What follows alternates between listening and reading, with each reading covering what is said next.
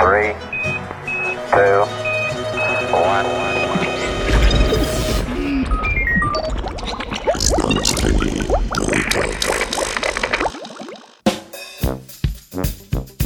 Čmrlje igrišče.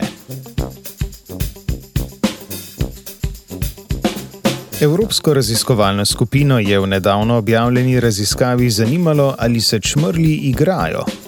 Ugotovili so, da kotaljenje žogice pri čmrlih izpolnjuje vedenske kriterije za živalsko igro. Izsledke o igri čmrljev so objavili v reviji Animal Behavior. Pri razločevanju, ali gre pri živalih za igro ali kakšno drugo vedenje, raziskovalke upoštevajo pet kriterijev. Prvič, vedenje živali nimamo za igro, če to prispeva neposredno k preživetju, to je naprimer iskanje hrane ali zavetja.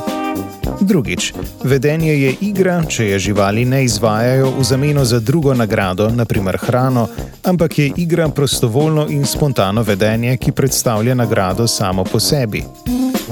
Tretjič, vedenje živali imamo za igro, če pri tem ne izvajajo istih vzorcev aktivnosti, kot bi jih med izvajanjem kakšne druge funkcionalne dejavnosti, naprimer med iskanjem hrane. Četrti kriterij pravi, da je igra vedenje, ki se ponavlja, ampak ni stereotipno. Peti kriterij pa, da je igra za živali nekaj prijetnega in se ne pojavi kot odziv na stres.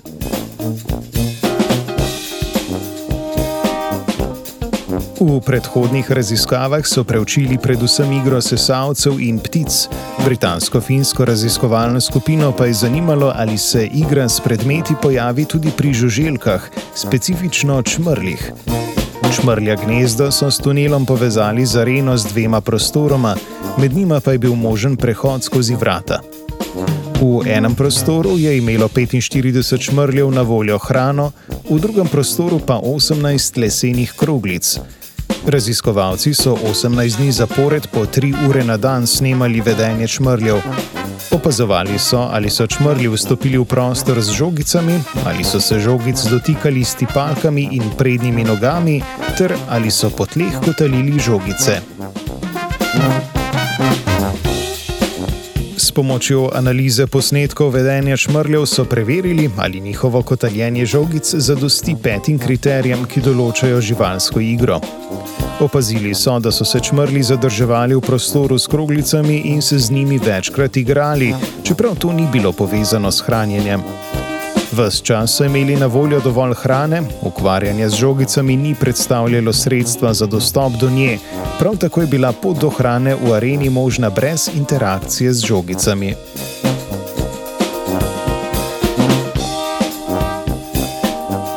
Raziskovalna skupina je sklenila, da so čmrli žogice kotalili namenoma in da se jim je aktivnost zdela nagrajujoča sama po sebi. Čmrli so raje izbrali žogice, ki so jih lahko kotalili napram tistim, ki so bile pritrjene na tla.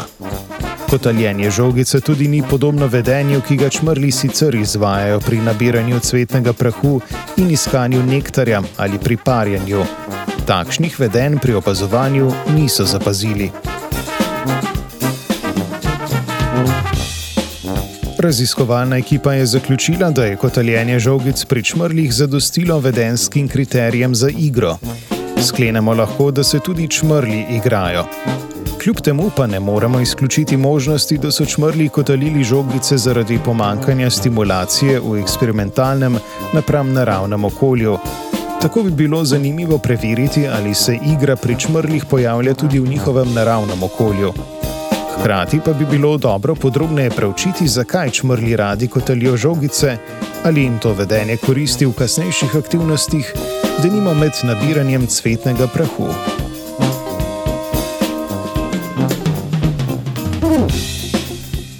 S čmrli se je igrala Katja.